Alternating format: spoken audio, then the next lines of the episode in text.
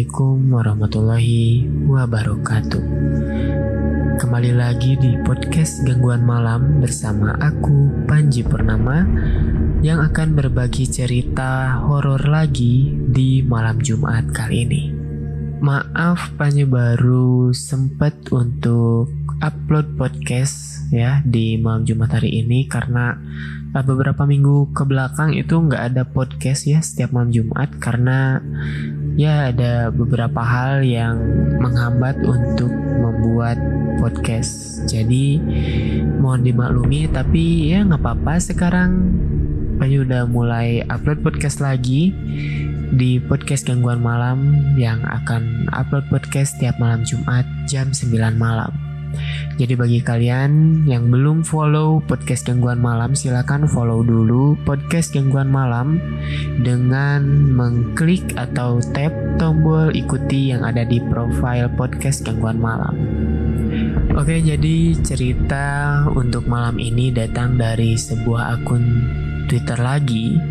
Ini merupakan sebuah tweet dari sebuah akun yang bernama Lakon Story dengan username Lakon Story.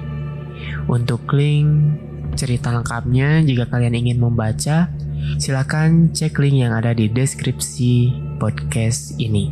Dan cerita kali ini berjudul Keluarga Tak Kasat Mata. Dan bagi kalian yang ingin berbagi cerita, kalian bisa kirimkan cerita kalian melalui email ke email panjipurnama gmail.com dan kalau misalnya sudah mengirimkan cerita melalui email, kalian bisa kasih tahu Panji melalui Instagram Panji Purnama 11 dan jangan lupa di follow. Untuk alamat email dan alamat Instagramnya Panji sertakan di deskripsi episode malam ini. Oke nggak usah lama-lama lagi kita langsung saja masuk ke ceritanya. Selamat mendengarkan. Semua nama, tempat, dan waktu dalam cerita ini disamarkan. Jadi mohon dengan sangat mohon maaf bila ada kesamaan nama, penokohan, dan lain-lain. Dan cerita ini terjadi di waktu beberapa tahun yang lalu. Dan ini merupakan kisah dari kisah sebenarnya. Berawal dari kebutuhan ekonomi yang sangat mendesak hidupku, tanpa disangka-sangka, aku akhirnya mendapatkan sebuah pengalaman yang mungkin tidak akan pernah bisa aku lupa. Sejak adanya pengalaman waktu itu, kini aku menjadi percaya jika mereka itu ada dan mereka benar-benar nyata. Jadi semua cerita ini berawal ketika aku terkena PHK dari perusahaan tempat aku bekerja. Karyawan yang sebelumnya berjumlah puluhan, waktu itu perlahan berkurang dengan sangat signifikan. Hingga akhirnya tersisa tinggal menjadi beberapa orang saja. Semua itu tentu saja bukan tanpa alasan. Karena sejak adanya virus COVID-19 yang datang ke negeri ini, perusahaanku memang mengalami penurunan laba yang akhirnya aku pun terkena imbasnya. Dan saat itulah aku pun akhirnya mencoba mencari pekerjaan via media sosial demi menyambung hidupku yang semakin lama sudah terasa semakin berat saja. Dan syukur alhamdulillah berkat aktif di seluruh media sosial, aku pun akhirnya mendapatkan sebuah informasi tentang adanya lowongan pekerjaan sebagai seorang asisten rumah tangga. Di situ tanpa pikir panjang lagi, aku pun seketika menghubungi nomor yang tertera di iklan tersebut, sembari berharap jika lowongan masih tersedia. Dan syukurnya, setelah beberapa kemudian, WhatsAppku pun akhirnya dibalas dan singkat cerita, aku pun mengutarakan maksud dan tujuanku bahwasanya aku ingin melamar menjadi asisten rumah tangga sesuai iklan yang tertera. Lalu seiring berjalannya waktu, tanpa disangka-sangka, aku pun akhirnya diterima kerja di tempat tersebut dan membuat janji untuk berangkat di beberapa hari berikutnya. Waktu itu, ketika aku berangkat menuju tempat kerjaku, sebenarnya aku hanya membawa sedikit bajuku karena aku masih sempat berpikir belum tentu aku nanti bisa betah tinggal di rumah tersebut. Karena selain jaraknya yang jauh, waktu itu aku masih ingin mencoba pekerjaan tersebut terlebih dahulu daripada aku hanya menganggur di rumah saja. Hingga akhirnya setelah hari yang disepakati telah tiba, aku pun berangkat menuju rumah tersebut menggunakan jasa travel. Selama perjalanan, tentu saja pikiranku sudah tidak karu-karuan. Karena selain takut, waktu itu sebenarnya adalah pengalaman pertamaku menjadi seorang asisten rumah tangga. Namun dengan mencoba menekan semua perasaan yang ada, aku pun akhirnya terus memantapkan niat agar semuanya berjalan dengan baik-baik saja. Singkat cerita, setelah sekitar 6 jam aku berjalan, aku pun akhirnya sampai di sebuah daerah yang sesuai dengan arahan dari pemilik lowongan kerja tersebut. Di situ, aku diarahkan untuk menaiki ojek online dan diminta untuk diantarkan sesuai alamat yang diberikan. Lalu setelah beberapa lama kemudian, aku pun sampai dan berhenti di depan salah satu rumah yang sepertinya menjadi tujuan dari perjalananku waktu itu. Sesampainya aku di rumah tersebut, aku sempat sangat terkejut, bukan main.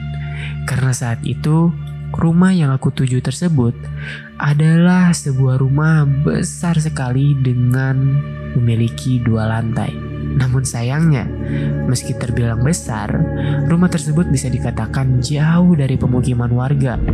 Mengingat sebelah kanan dan kiri rumah memang didominasi oleh perkebunan pisang yang sepertinya perkebunan pisang tersebut adalah milik dari salah satu warga.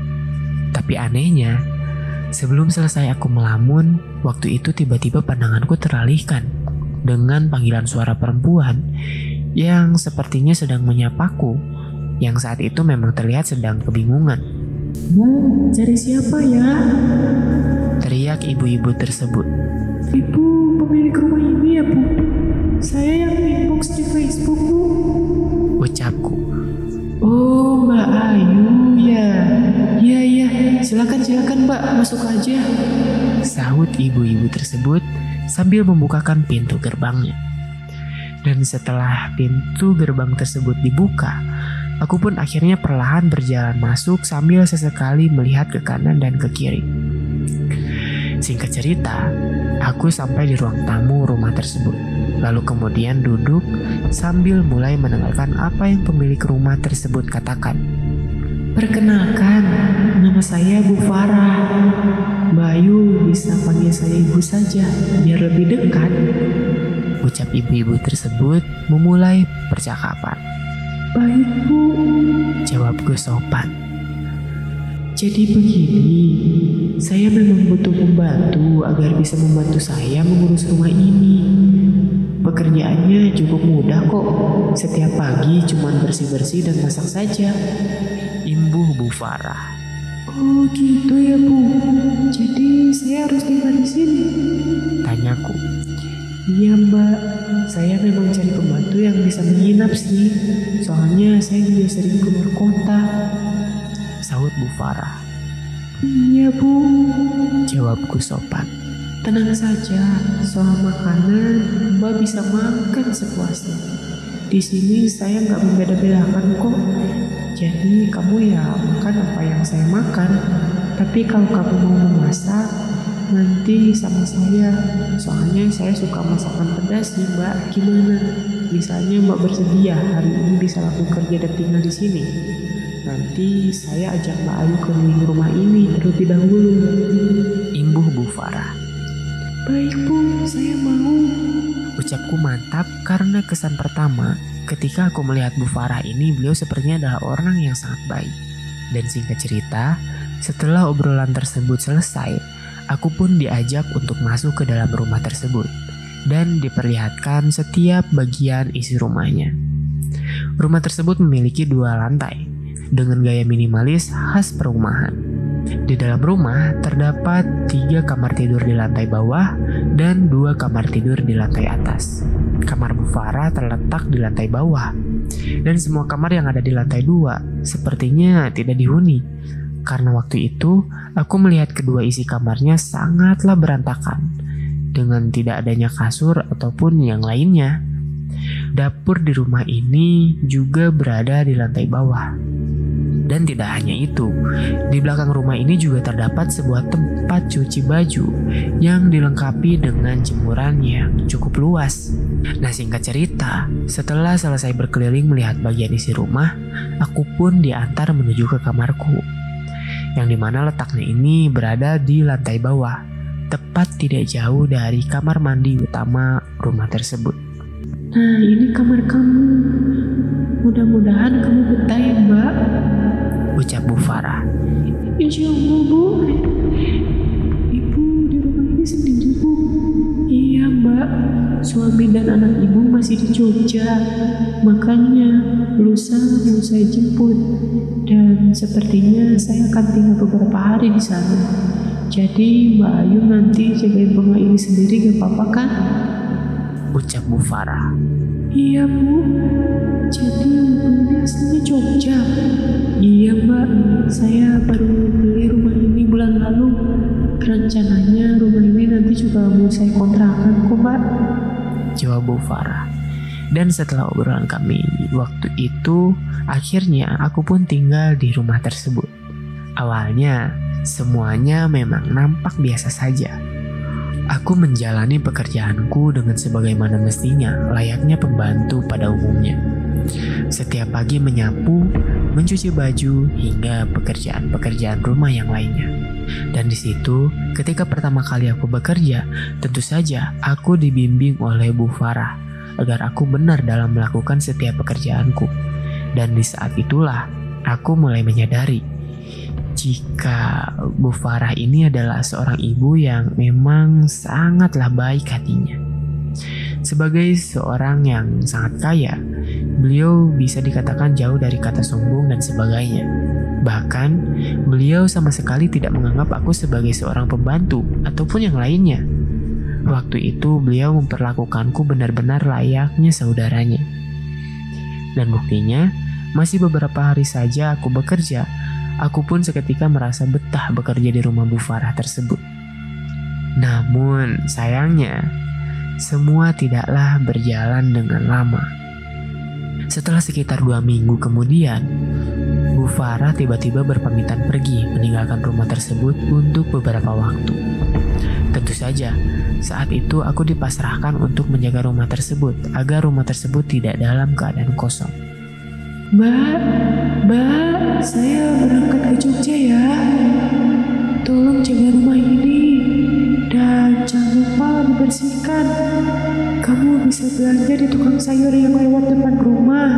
Dan setelah itu, tolong tutup kembali pintu rumah ini. Dan jangan sekali-sekali buka pintunya. Jangan terima tamu yang tidak dikenal. Dan setiap malam, Bayu harus telepon saya atau video call sama-sama tenangnya. Terakhir, jangan sekali-sekali naik ke lantai dua selama saya tidak ada. Biarkan lantai dua kotor. Kalau mau bersihkan, nunggu saya kembali saja ya, Mbak. Tolong, yang masalah lantai dua ini benar-benar diperhatikan. Ucap Bu Farah. Baik, Bu. Jawabku sopan. Setelah semua penjelasan Bu Farah selesai, akhirnya Bu Farah pun sore itu seketika pergi meninggalkan rumah tersebut. Setelah kepergian Bu Farah, tentu saja aku pun menutup semua pintu yang ada di rumah tersebut. Aku diam di dalam rumah dengan tidak sekalipun keluar rumah. Karena selain memang tidak ada kepentingan, waktu itu aku masih tidak mengenal satupun orang yang tinggal di daerah tersebut. Dan singkat cerita, akhirnya malam itu pun tiba. Benar sekali, malam itu adalah sebuah malam di mana akhirnya aku mulai menyadari jika aku bukanlah satu-satunya yang ternyata tinggal di rumah itu. Masih sangat teringat jelas di kepalaku. Malam itu adalah hari keempat aku ditinggal Bu Farah pergi ke Jogja. Seperti biasanya, Setelah semua pekerjaan rumahku selesai, aku pun duduk di depan televisi sambil meminum secangkir kopi. Namun anehnya, belum selesai aku menghabiskan minumanku, malam itu tiba-tiba aku mendengar suara nyanyian yang setelah aku dengar lebih teliti lagi. Suara nyanyian tersebut ternyata berasal dari arah lantai dua rumah tersebut.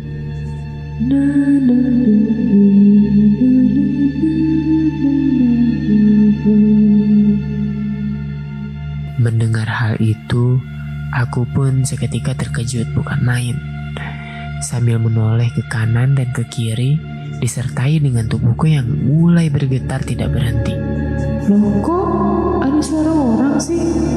Pikirku dalam hati, sambil aku yang mulai berdiri dari tempat dudukku dan menoleh ke arah lantai dua rumah itu. Dan tidak berhenti di situ saja. Sebelum selesai aku mendengar suara nyanyian tersebut. Tetap dari arah lantai dua, aku kembali dikejutkan dengan suara langkah kaki anak kecil yang sedang berlari-lari. Suara tersebut terdengar jelas di antara keadaan rumah yang sangat itu benar-benar dalam keadaan hening. Waduh, sepertinya di atas ada orang deh. Aku benar-benar kebingungan tidak karuan. Di telingaku, aku mendengar semua suara orang aneh tersebut. Namun di sisi lain, oleh pemilik rumah, aku dilarang keras untuk naik ke lantai dua, meski apa pun yang terjadi. Bagaimana ini? Aku dilarang naik ke lantai dua, tapi di atas aku dengar ada suara orang. Nanti kalau itu suara maling gimana ya? Pikirku kebingungan. Namun untungnya, karena malam itu suara tersebut perlahan mulai tidak lagi terdengar, akhirnya aku pun sedikit lega dan seketika masuk ke dalam kamarku. Karena aku pun tahu malam itu waktu sudah menunjukkan pukul 11 malam. Selama di dalam kamar bukannya tenang, aku malah kembali mendengar suara aneh yang kembali terdengar. Waktu itu, Aku kembali mendengar suara seseorang yang sedang berjalan warawiri dengan disertai suara batuk yang sesekali berbunyi. Mendengar hal itu seketika terkejut bukan main. Sambil mulai meyakini jika di rumah ini aku tidaklah sendiri. Dan tanpa lama-lama lagi, akhirnya aku pun seketika beranjak menuju pintu kamarku dan membukanya sembari mulai menyalakan semua lampu. Tapi anehnya, Ketika lampu menyala, waktu itu aku tidak melihat siapa pun yang ada di rumah ini selain aku. Semuanya nampak sepi dengan tidak adanya seorang pun yang terlihat ada di sini. Mengetahui hal itu, aku pun berteriak tidak karuan karena kurasa sebelumnya aku benar-benar mendengar suara seseorang yang sedang berjalan. Halo, siapa ya? Teriakku. Dan boleh percaya atau tidak, malam itu suara teriakanku tersebut benar-benar disahuti oleh seseorang dengan nada yang sangat pelan. Halo, aku di sini. Jawab suara tersebut terdengar jelas yang sepertinya sumber suara tersebut adalah nada suara perempuan dengan nada suara serak-serak basah.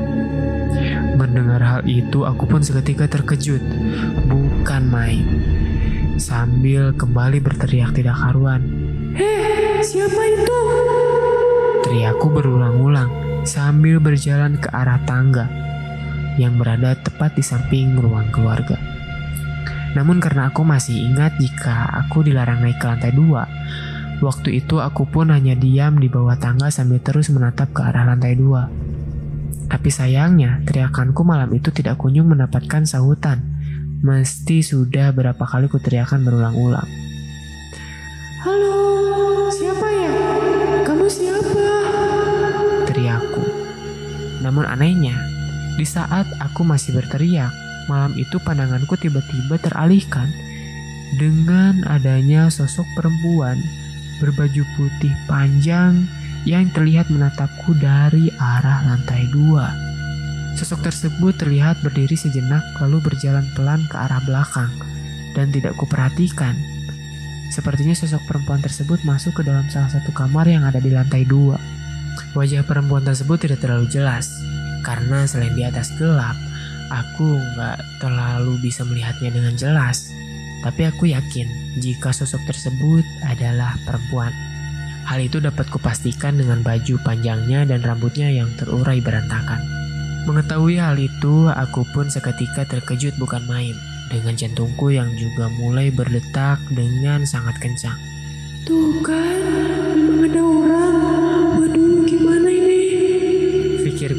terus menghadapkan wajahku ke arah lantai dua rumah tersebut. Dan tidak berhenti di situ saja. Malam itu juga aku tiba-tiba melihat dengan mata kepala sendiri ada beberapa anak kecil yang terlihat sedang berlari-lari di antara kamar tidur yang terletak di lantai dua. Anak kecil tersebut berwajah putih bedak, lengkap dengan baju hitam dan birunya. Di situ perasaanku sudah sangat tidak karu-karuan. Jantungku berdetak kencang, tanganku gemetaran, dan keringat juga sudah keluar bercucuran. Tapi sayangnya, karena lagi-lagi aku bingung dengan apa yang harus aku lakukan, akhirnya aku pun kembali ke dalam kamar tidurku dengan seketika mengunci pintunya dari dalam. Ah sudahlah, mending aku balik ke kamar saja dan telepon Farah. Ucapku. Di dalam kamar tentu saja, aku pun seketika menghubungi Bu Farah via WhatsApp. Akan tetapi, karena telepon WA aku tidak kunjung diangkat, akhirnya aku pun hanya menulis beberapa pesan singkat. Di situ aku menceritakan sedikit apa yang aku rasakan dan apa yang sudah aku lihat. Selamat malam, Bu. Maaf mengganggu waktunya. Saya barusan lihat lantai dua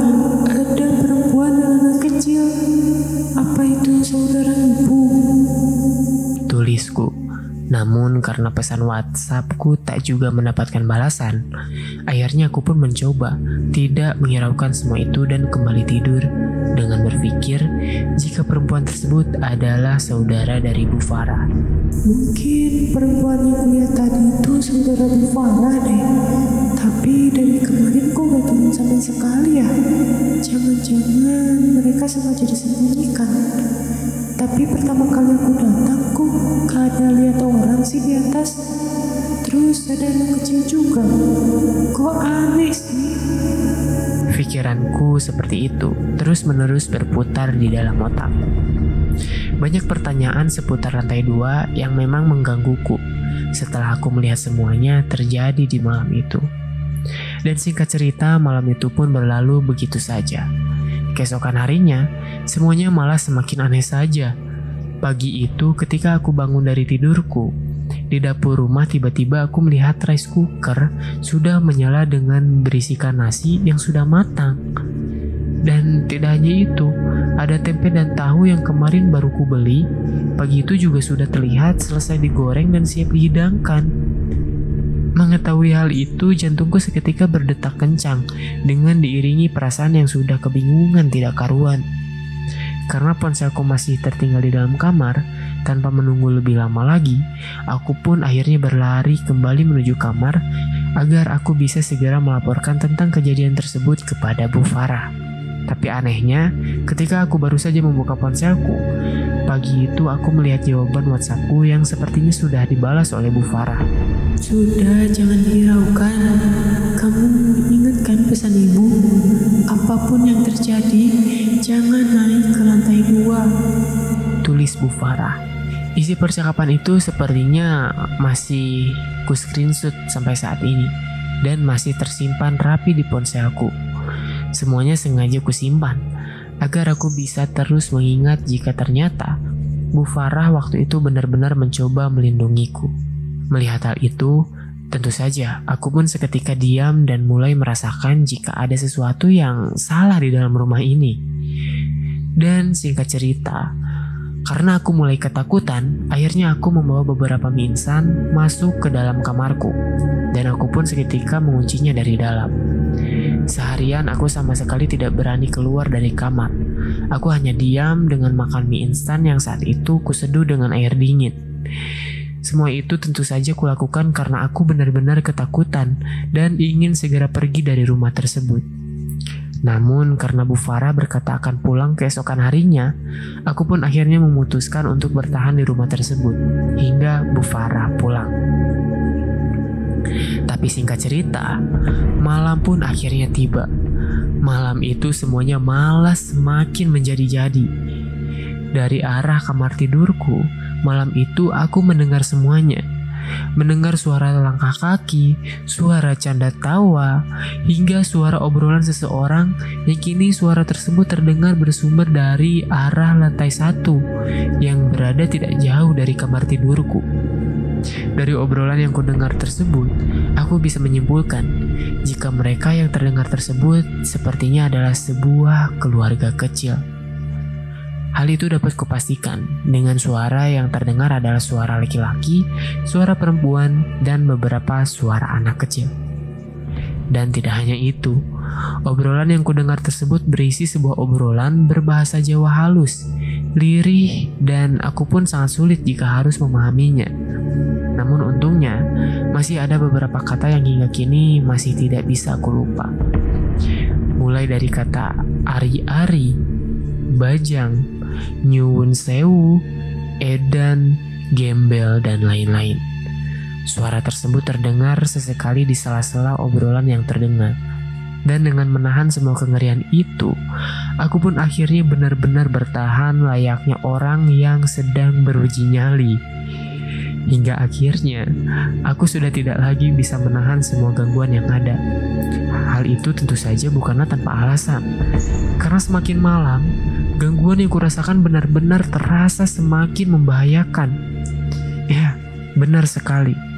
Sekitar pukul 2 malam dini hari, aku tiba-tiba dikagetkan kembali dengan aroma gosong yang jika kucium dengan lebih dalam lagi Aroma gosong tersebut seperti aroma kabel yang sedang terbakar. Aroma tersebut tercium sangat kuat di sela-sela aku yang masih bertahan di dalam kamar. Merasakan hal itu, aku pun akhirnya memutuskan keluar dari kamarku untuk mencari sumber bau gosong tersebut. Karena aku yang mulai khawatir jika ada benda yang sedang terbakar di dalam rumah itu. Dan akhirnya, ketika aku membuka pintu kamarku, tentu saja Aku seketika menyalakan semua lampu rumah itu agar perasaanku bisa menjadi sedikit lebih tenang. Dan tidak hanya itu saja, waktu itu aku juga memegang palu agar aku bisa berjaga-jaga jika ada sesuatu yang tidak terduga. Namun sayangnya, ketika lampu rumah sudah menyala, bukannya tenang, perasaanku malah semakin tidak enak saja. Bagaimana tidak, waktu itu Tepat di atas meja ruang tengah rumah itu, aku melihat adanya dua gelas air yang sepertinya baru saja dihidangkan. Satu gelas tersebut berisikan kopi yang masih panas, dan satu gelas lagi berisi air putih yang sepertinya terlihat dingin. Mengetahui hal itu, jatuhku pun berdetak semakin kencang dengan genggaman palu yang juga sudah kuperkuat karena aku sudah sangat yakin jika di rumah itu ada orang lain selain diriku. Kopinya masih panas. Di rumah ini pasti ada orang lain. Pikirku. Pikirku dalam hati dengan hidungku yang mencium aroma gosong tersebut semakin lama sudah semakin kuat. Sebenarnya waktu itu aku juga seketika menghubungi Bu Farah via WhatsApp. Namun karena belum ada jawaban, akhirnya aku berhenti menghubungi beliau. Karena aku merasa sudah tidak aman, akhirnya aku pun memutuskan untuk berjalan pelan berkeliling rumah meskipun aku tidak bisa memungkiri bahwa tubuhku waktu itu sudah sangat gemetaran tidak karuan. Langkah demi langkah di malam itu hingga kini seolah masih tidak akan bisa aku lupakan. Aku benar-benar berjalan perlahan, melihat bagian isi rumah dengan diiringi suara tawa yang sesekali terdengar dari arah lantai dua. Dan naasnya, ternyata bau gosong yang kucari tersebut sepertinya bersumber dari arah lantai dua. Dan karena aku khawatir jika di lantai dua ada benda terbakar yang bisa membahayakan rumah, Akhirnya, aku pun memantapkan niat untuk naik ke lantai dua, apa pun resikonya. Mending gue lihat lantai dua deh. Sepertinya ada benda terbakar. Nanti kalau aku gak naik ke sana, terus ada benda yang terbakar dan rumah ini kebakaran karena aku yang kena. Pikirku dalam hati sambil mulai melangkahkan kakiku satu persatu di tangga rumah itu. Sesampainya aku di lantai dua, Aku pun seketika menekan tombol saklar lampu yang memang berada tidak jauh dari tangga. Dan anehnya, ketika aku melihat sekeliling lantai dua, aku sama sekali tidak melihat adanya satupun benda yang terbakar. Semuanya benar-benar nampak normal, layaknya rumah kosong pada umumnya.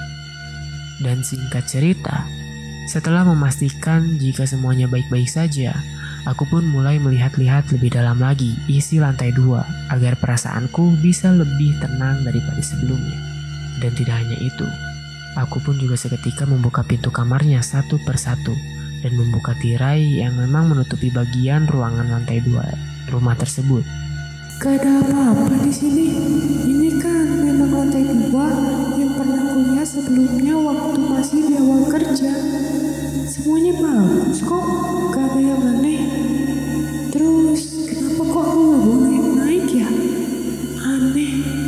Di sini gak ada benda berharga juga. Tapi ngomong-ngomong, suara orang yang kudengar tadi pada ke mana ya? Kok gak ada wujudnya? Pikirku dalam hati dengan menoleh ke sana dan kemari. Tapi anehnya, sebelum selesai aku melihat semuanya, malam itu pandanganku tiba-tiba teralihkan ke arah salah satu sudut lantai yang ada di balik hiasan guci rumah itu. Di lantai tersebut, aku melihat ada beberapa beras merah, beras putih, dan air berwarna kuning yang disusun rapi di sebuah wadah yang sepertinya terbuat dari daun kelapa atau janur. Mengetahui hal itu, aku pun seketika hendak mendekati beras tersebut yang memang terletak beberapa meter dari tempatku berdiri saat itu. Tapi sayangnya, sebelum sampai aku di tempat beras tersebut berada, tiba-tiba aku melihat ada sosok perempuan berambut panjang yang terlihat berdiri di salah satu sudut lantai dua ini. Perempuan tersebut terlihat diam dengan matanya yang terus menghadap ke dinding dengan tidak sekalipun menoleh ke arahku. Dan tidak hanya itu, dari salah satu kamar yang ada di lantai dua, waktu itu aku juga melihat tiba-tiba ada seorang anak kecil yang sedang berlari-lari ke sana dan kemari. Mengetahui hal itu, kakiku yang sebelumnya berdiri kuat pun saat itu seketika terasa lemas disertai dengan nafasku yang juga terasa sulit untuk dihembuskan. Dan tidak berhenti di situ saja. Beberapa saat setelah itu, aku pun mulai sadar jika sedari tadi ternyata juga ada sosok laki-laki paruh baya yang sedang duduk bersila tepat berada di pojokan ruangan yang ada di lantai dua tersebut. Sosok laki-laki tersebut terlihat diam dengan wajahnya yang terlihat rata dengan tidak adanya hidung dan mata. Malam itu aku melihat semuanya. Aku melihat ketiga sosok tersebut benar-benar dengan mata kepalaku sendiri dan berjarak hanya sekitar beberapa meter dari tempatku berdiri penunggu rumah itu ada tiga sosok. Ada laki-laki berwajah rata, perempuan berparas tidak begitu jelas, dan beberapa anak kecil yang berbedak tebal. Dan semuanya benar-benar kulihat jelas dalam waktu beberapa menit lamanya. Bahkan aku pun sempat melirik ke arah jam dinding. Waktu itu tepat pukul 3 lebih 25 menit pagi. Mengetahui hal itu tanpa menunggu lebih lama lagi, akhirnya aku pun seketika berlari ke bawah dan kembali masuk ke dalam kamarku dengan perasaan yang sudah sangat ketakutan. Malam itu di dalam kamar, aku terus saja menangis tidak berhenti karena rasa takut yang kurasakan sudah tidak lagi bisa kutahan. Aku menangis semalaman dengan ditemani suara tawa yang masih saja terdengar perlahan. Dan singkat cerita, keesokan harinya sekitar pukul setengah sebelas siang, Ibu Farah pun akhirnya sampai di rumah dengan anak dan suaminya. Tapi anehnya, suami dan anak Bu Farah siang itu malah terlihat acuh denganku dan terus saja masuk lalu naik ke lantai dua dengan tidak sekalipun menghiraukan keadaanku yang saat itu sedang menangis terseduh-seduh. Tapi untungnya, semua itu berbeda dengan Bu Farah. Bu Farah yang melihat aku sedang menangis waktu itu seketika menghampiriku dan menanyakan tentang keadaanku. Kenapa mbak? Ucap Bu Farah pelan. Waktu itu, aku pun seketika menceritakan semuanya kepada Bu Farah, tentu saja dengan tetap merahasiakan jika aku sebenarnya sudah naik ke lantai dua. Tapi anehnya, ketika mendengarkan ceritaku, Bu Farah sama sekali tidak terlihat kaget. Beliau malah terlihat tenang dengan sesekali tersenyum pelan. Masa sih mereka ganggu lagi? Sahut Bu Farah. Loh, ibu sudah tahu kalau mereka ada. Ucapku. Iya mbak, tapi nggak pernah ganggu kok. Jawab Bu Farah. Mendengar hal itu, aku pun seketika terkejut bukan main. Dan aku pun seketika berpamitan untuk berhenti kerja di rumah Bu Farah. Jadi Bu Farah ini sudah tahu semuanya. Terus kenapa Bu Farah malah diam saja? Kalau begini keadaannya, saya nggak kuat jika harus lanjut kerja di sini. Maaf ya Bu. Ucapku. Karena Bu Farah mengerti dengan perasaanku, akhirnya aku pun dipersilakan untuk berhenti bekerja di tempatnya. Dan singkat cerita, setelah beristirahat dan mengemasi beberapa bajuku, sekitar pukul 5 sore, aku pun akhirnya berpamitan pergi dari rumah itu. Karena aku tidak sanggup dengan semua keadaannya. Maaf ya mbak, jika ibu punya salah, mbak yakin mau pergi. Sebenarnya saya sudah cocok sama Bayu, Ucap Bu Farah dengan memberikan sejumlah uang di tangannya. Mungkin kalau bantu di rumah lain saya bersedia bu. Kalau di rumah ini saya gak berani. Maaf ya bu. Sahutku sopan dengan mulai berjalan keluar dari rumah itu. Di mana pun sama mbak. Kita hidup di dunia ini memang berdampingan dengan mereka. Asal kita gak ganggu, mereka pasti akan ganggu kok. Jawab Bu Farah. Jawab Bu Farah pelan iya bu, tapi saya gak berani. Maaf ya bu, ngomong-ngomong ke mana suami dan anak ibu ya? Saya mau pamit. Ucapku mengalihkan pembicaraan. Oh, mereka sudah tidur. Gak usah pamit ke papa kok. Kan katanya kamu juga sudah ketemu mereka tadi malam di lantai dua. Ucap Bu Farah sambil tersenyum pelan. Oh, maksudnya? Tanyaku. Kamu kemarin naik ke lantai dua dan kamu ketemu anak suamiku kan? Sahutnya dengan menatap mataku dengan diiringi senyuman yang hingga kini tidak akan pernah bisa aku lupakan. Mengetahui hal itu, mataku pun kembali terbelalak dengan jantungku yang juga seketika kembali berdetak kencang tidak karuan. Dan di situ aku pun kembali sadar.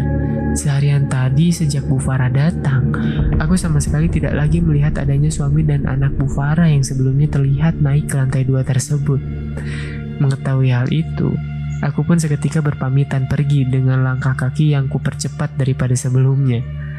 Dan tidak hanya itu, ketika aku berjalan pergi dari rumah tersebut, dari kejauhan, aku kembali menoleh ke arah rumah Bu Farah, yang ternyata dari kejauhan, aku melihat Bu Farah masuk kembali ke dalam rumahnya, dengan ditemani seorang anak kecil yang tiba-tiba ada di depannya. Pemandangan tersebut adalah pemandangan yang terakhir kulihat di dalam rumah Bu Farah. Semua itu terlihat jelas dengan diiringi suara azan maghrib yang terdengar pelan seolah menemani langkahku pergi menuju kembali rumahku sendiri. Dan sejak saat itu, aku sudah tidak lagi berkomunikasi dengan Farah. Namun seingatku, di pertengahan tahun lalu, aku sempat melihat kembali iklan lowongan pekerjaan yang sepertinya akan ditempatkan di rumah Bu Farah. Namun setelah beberapa hari kemudian, iklan tersebut sudah menghilang dengan diiringi akun sosial media Bu Farah yang tidak lagi bisa kutemukan. Dan akhirnya cerita pun selesai. Oke listener, cuman segitu ternyata cerita dari sebuah akun yang bernama Lakon Story yang berjudul Keluarga Tak Kasat Mata. Dan pengingatkan kembali bagi kalian yang ingin berbagi cerita, silakan kirimkan cerita kalian melalui email ke email pancipernama@gmail.com. Dan juga kalau misalnya kalian sudah mengirimkan cerita, kasih tahu Panji di Instagram Panji Purnama 11 dan jangan lupa di follow ya. Oke, cuman segitu podcast malam hari ini. Saya Panji Purnama undur pamit dari ruang dengar Anda semuanya. Terima kasih. Wassalamualaikum warahmatullahi wabarakatuh.